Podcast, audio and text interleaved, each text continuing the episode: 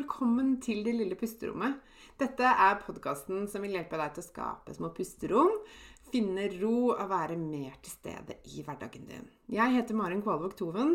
Jeg er barnevernspedagog, familieterapeut og eniagramcoach. Jeg er mamma til to, gift og gründer av Det lille pusterommet. Og jeg har selv kjent på langvarig stress og har vært utbrent. Jeg brenner for å hjelpe deg ut av stress og utbrenthet og vise deg hvordan du kan finne ro selv om det er travelt rundt deg. Til daglig så hjelper jeg kvinner ut av utbrenthet og stress gjennom online coaching med min egen utarbeidede pusterommetode og ulike online-kurs.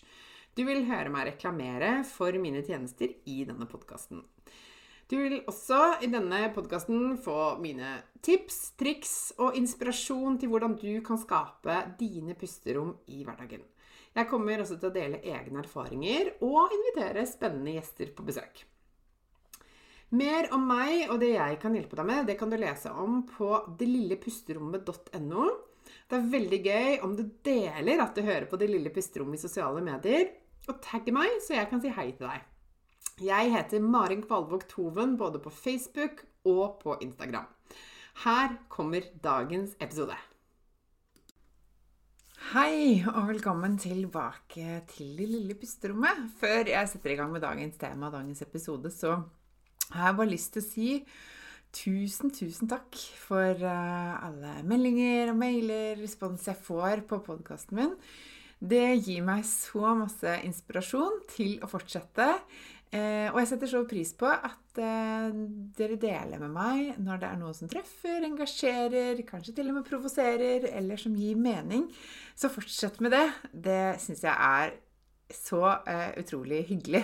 Sånn at vi får en litt sånn dialog, at ikke det bare er jeg som sitter og snakker i vei.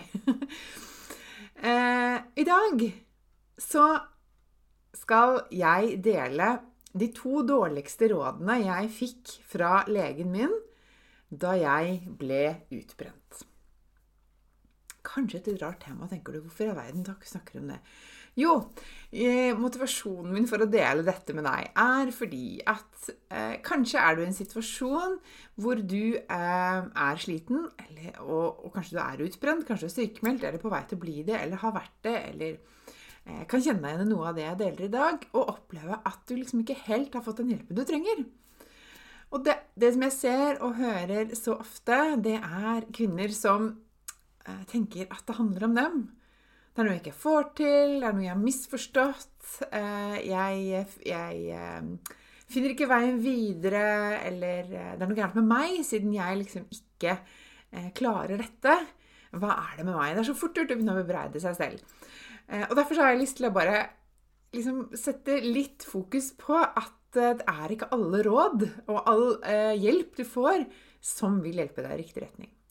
Og dette her er noen eksempler på det. Det er ikke sikkert du har fått de samme rådene fra verken legen eller noen andre, men kanskje har du opplevd at den hjelpen du søker, den hjelpen du får, ikke når helt hjem, da. Så i dag så har jeg lyst til å dele med, med deg, eh, og kanskje du kan ha nytte av å lære noe av det, så du slipper å gå i den fella og tenke at det er noe jeg ikke får til, at det er hos meg det ligger. Eh, at det er noe jeg ikke skjønner. Det er derfor jeg er så sliten eller føler meg syk eller ikke orker, orker så mye eller orker å jobbe akkurat nå. Og Det første rådet som jeg fikk, det tror jeg det var det første legen sa til meg da jeg ble sykemeldt den første gangen. Da jeg sa at dette går ikke lenger, jeg hadde vært der en gang før, og hun sa vi prøver litt til. Og jeg kom tilbake og sa sorry, men dette bare går ikke. Um, og jeg fikk en sykemelding ble 100% sykemeldt, så sa hun til meg eh, Nå syns jeg du skal gå hjem, og så skal du hvile. Nå skal du legge bort eh, alt eh, du tenker at du må eller bør, og så skal du hvile. Og det er et, på, mange måter et veldig, veldig godt råd. Og veldig godt ment. Det kom virkelig fra et godt sted. Men saken var det at jeg fikk det jo ikke til. Det var helt, helt umulig for meg å legge meg ned og hvile skikkelig. For det som skjedde hver gang jeg la meg ned og skulle liksom eh, hvile, da, i gåseøynene, så økte jo bare liksom tankekjøret, dårlig samvittigheten, uroen. Stemmen inni meg som sa alt jeg burde gjøre, ble jo bare mye, mye sterkere når jeg liksom skulle hvile. Jeg klarte ikke å slappe av. Jeg klarte ikke å konsentrere meg om en bok eller um, noe på TV eller um, noe som helst annet, eller bare gjøre ingenting. Uh, jeg, jeg sleit med å sove. Så det å gå hjem og hvile, det var jo Det fikk det ikke til. Så det ble bare nok en sånn opplevelse av at det var noe med meg, eller noe jeg ikke klarte, som forsterket den følelsen jeg allerede hadde, at det var noe gærent med meg. Jeg drev jo allerede og sammenlignet meg mye med andre. Så da fikk jeg liksom bare nok et eksempel på at eh, jeg ikke klarte det. Og det er faktisk sånn at det, det er jo en, en, fysisk forklaring. Det er en helt åpenbar forklaring på hvorfor jeg ikke klarte å hvile, og hvorfor kanskje du sliter med det samme. Hvis du opplever at, eh, at uroen øker, eller at du får masse dårlig samvittighet, eller at du uansett ender opp med å sprette opp igjen og gjøre noe annet, eller at du egentlig bruker den tiden du skulle hvilt til å faktisk bare tenke på alt du burde gjøre, og ligger og planlegge, ehm, så er det faktisk ikke en grunn for det. Og jeg skulle så ønske at jeg hadde liksom visst det fra starten av. Det kunne spart meg for mye, tror jeg. Eh, og jeg skulle også ønske at legen min kanskje kunne sagt det. At liksom, vet du hva? Hvis det er vanskelig for deg å hvile nå, så er ikke det så rart. Fordi at dette handler om at stressresponsen i kroppen din står på hele tiden. Du har ikke noe av-knapp. Du klarer ikke å sette på bremsen fordi at du har hatt på gassen over så lang tid. Så nervesystemet faktisk var ute av balanse. Kroppen min var i fight or flight hele tiden. Eh, og det vil si at eh, disse liksom urinstinktene i kroppen som eh, gikk på høygir, det gjorde jo at jeg ikke kunne slappe av. fordi det var akkurat sånn kroppen opplevde at den var jo ikke trygg. Den kunne jo ikke slippe å slippe tak. Den kunne ikke bare være. Kunne ikke liksom eh, roe helt ned fordi den måtte være på alerten hele tiden. Det var det som skjedde i kroppen min, og det var ikke rart at det ikke gikk. Eh, fordi at det var så lenge siden kroppen hadde kunnet kjenne seg 100% trygg og slippe tak i alt stress. Eh, og det skulle jeg ønske at jeg hadde, hadde visst da, og forstått, så jeg hadde sluppet å liksom faktisk eh, gå og liksom tenke at det var noe gærent med meg. At det var, at det, var det det sto på, liksom. Eh, så hvis du har det på samme måten, at liksom det å gå hjem og hvile ikke fungerer for deg, så er det ikke noe gærent med deg. Det betyr egentlig at kroppen, som fungerer sånn som den skal, men at du trenger hjelp til å lære deg hvordan kroppen skal klare å hvile igjen. For det kan kroppen klare å lære seg. Den kan lære seg å finne tilbake til hvilen eh, og slippe tak i stresset. Men kanskje trenger du litt hjelp utenfra til det. Kanskje du liksom syns det er vanskelig å finne veien ut av det selv, og det er helt normalt. Det er noen ting som er vanskelig å finne ut av helt på egen hånd. Eh, og hvis du ønsker hjelp med det, så jeg, snakker vi om dette i online-kurset mitt 'Skap en stressfri hverdag'. Eh, der lærer du hvordan du kan forstå kroppens signaler. Hvordan du kan skjønne at, eh, at dette liksom stresset skaper denne uroen i deg gjør det vanskelig for deg å hvile.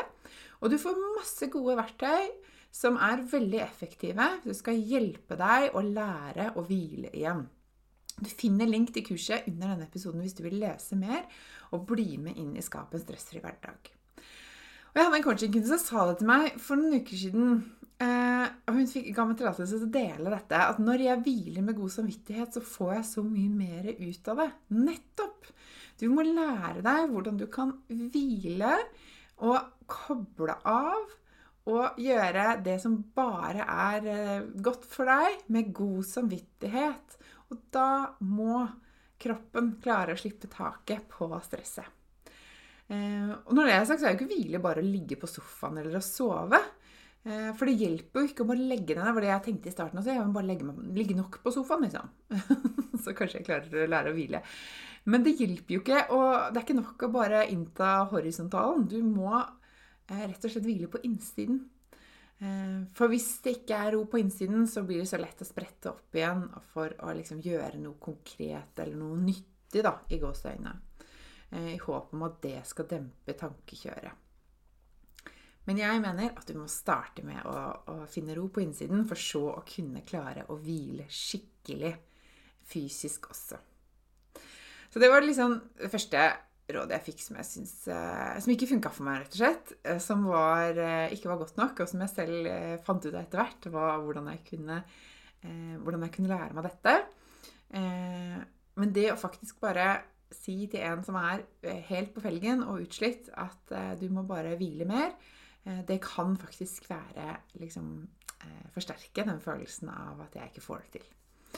Så det var liksom det første jeg opplevde. Og det andre rådet jeg fikk, eh, og som jeg eh, har engasjert meg veldig i, fordi at jeg har møtt og hørt fra så mange kvinner som har opplevd noe av det samme, det var eh, at jeg skulle begynne på antidepressiva. Og dette startet egentlig fordi jeg hadde så enorme hormonelle svingninger. Jeg hadde egentlig de fleste tegnene på overgangsalderen. Eh, og legen min eh, kunne ikke eh, gi meg svaret på hva jeg skulle gjøre med det.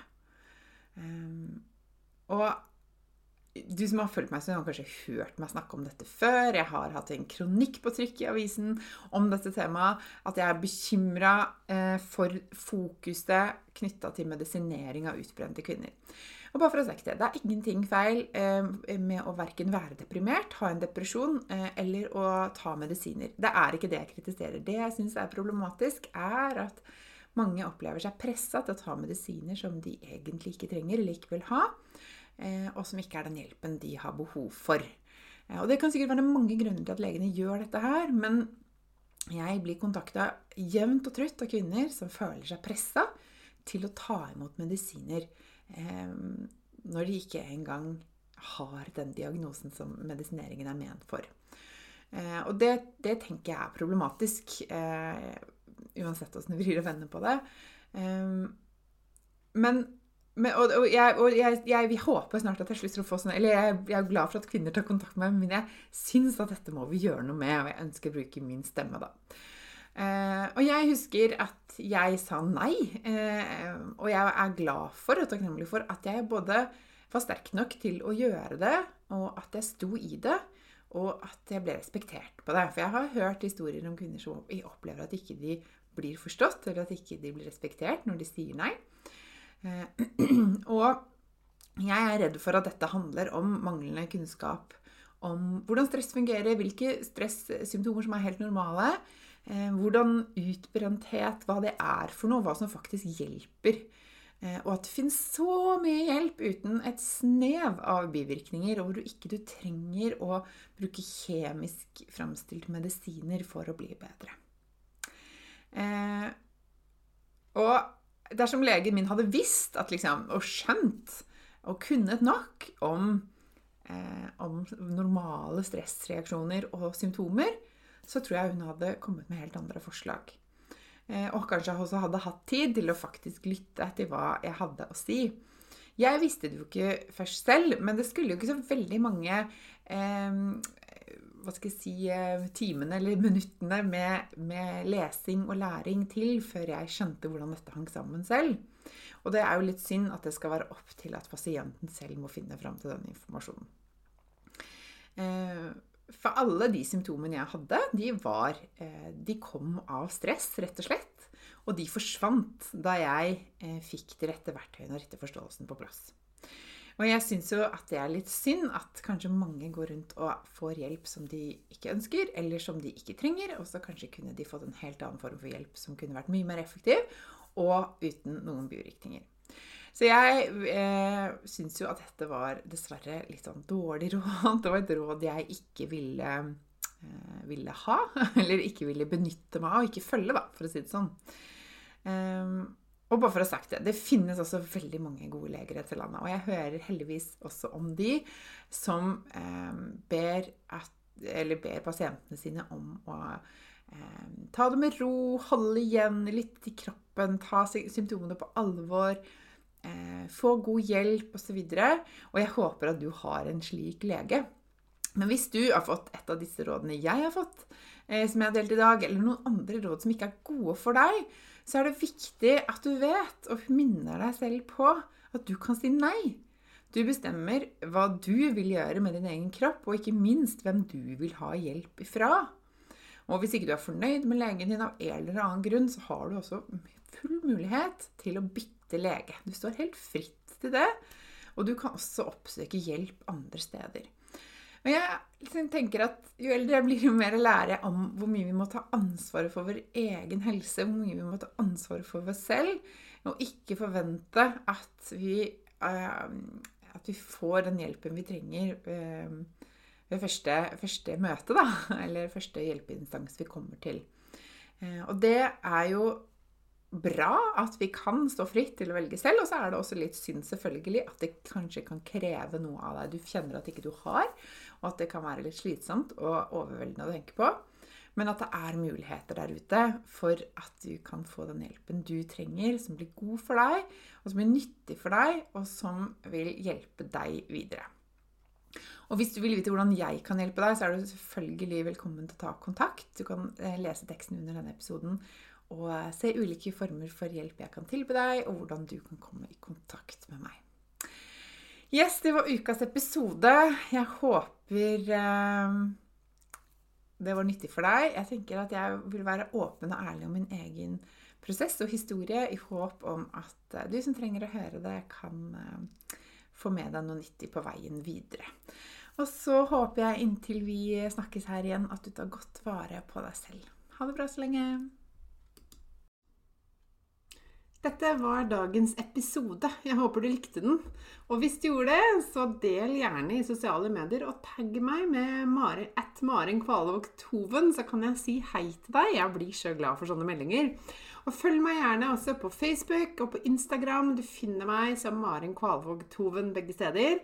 Jeg ønsker deg en fin dag videre, og så snakkes vi igjen snart.